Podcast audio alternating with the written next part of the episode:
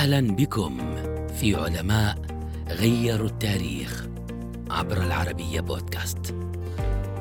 صنفت أول عالمة فلك في العالم وساهمت بعلمها في صناعة التاريخ. إنها فاطمة المجريطية ابنة إمام الرياضيين في الأندلس واحد أبرز علمائها مسلمة المجريطي. لم يعرف تاريخ ميلادها على وجه الدقة إلا أنها عاشت ما بين القرنين العاشر والحادي عشر الميلادي. لقبت بالمجريطية نسبة إلى لقب والدها المجريطي الذي استمده من مكان ولادته مجريط أي مدريد قبل أن ينتقل إلى قرطبة عاصمة الخلافة والعلم. تتلمذت على يدي والدها وعاصرته في دراساته وأبحاثه في علمي الرياضيات والفلك.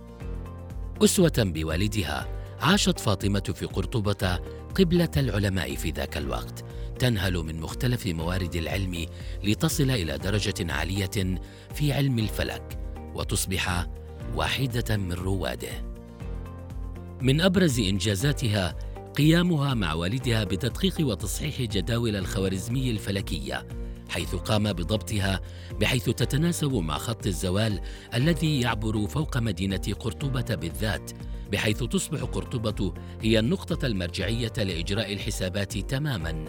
كما هو حال مدينة غرينتش كمرجع للتوقيت في هذا العصر. ولم تتوقف إنجازاتهما على ذلك بل عملا على تصحيح التقاويم وحساب مواضع الشمس والقمر والكواكب بشكل دقيق. ووضع جداول لعلم الفلك الكروي وحساب الكسوف والخسوف.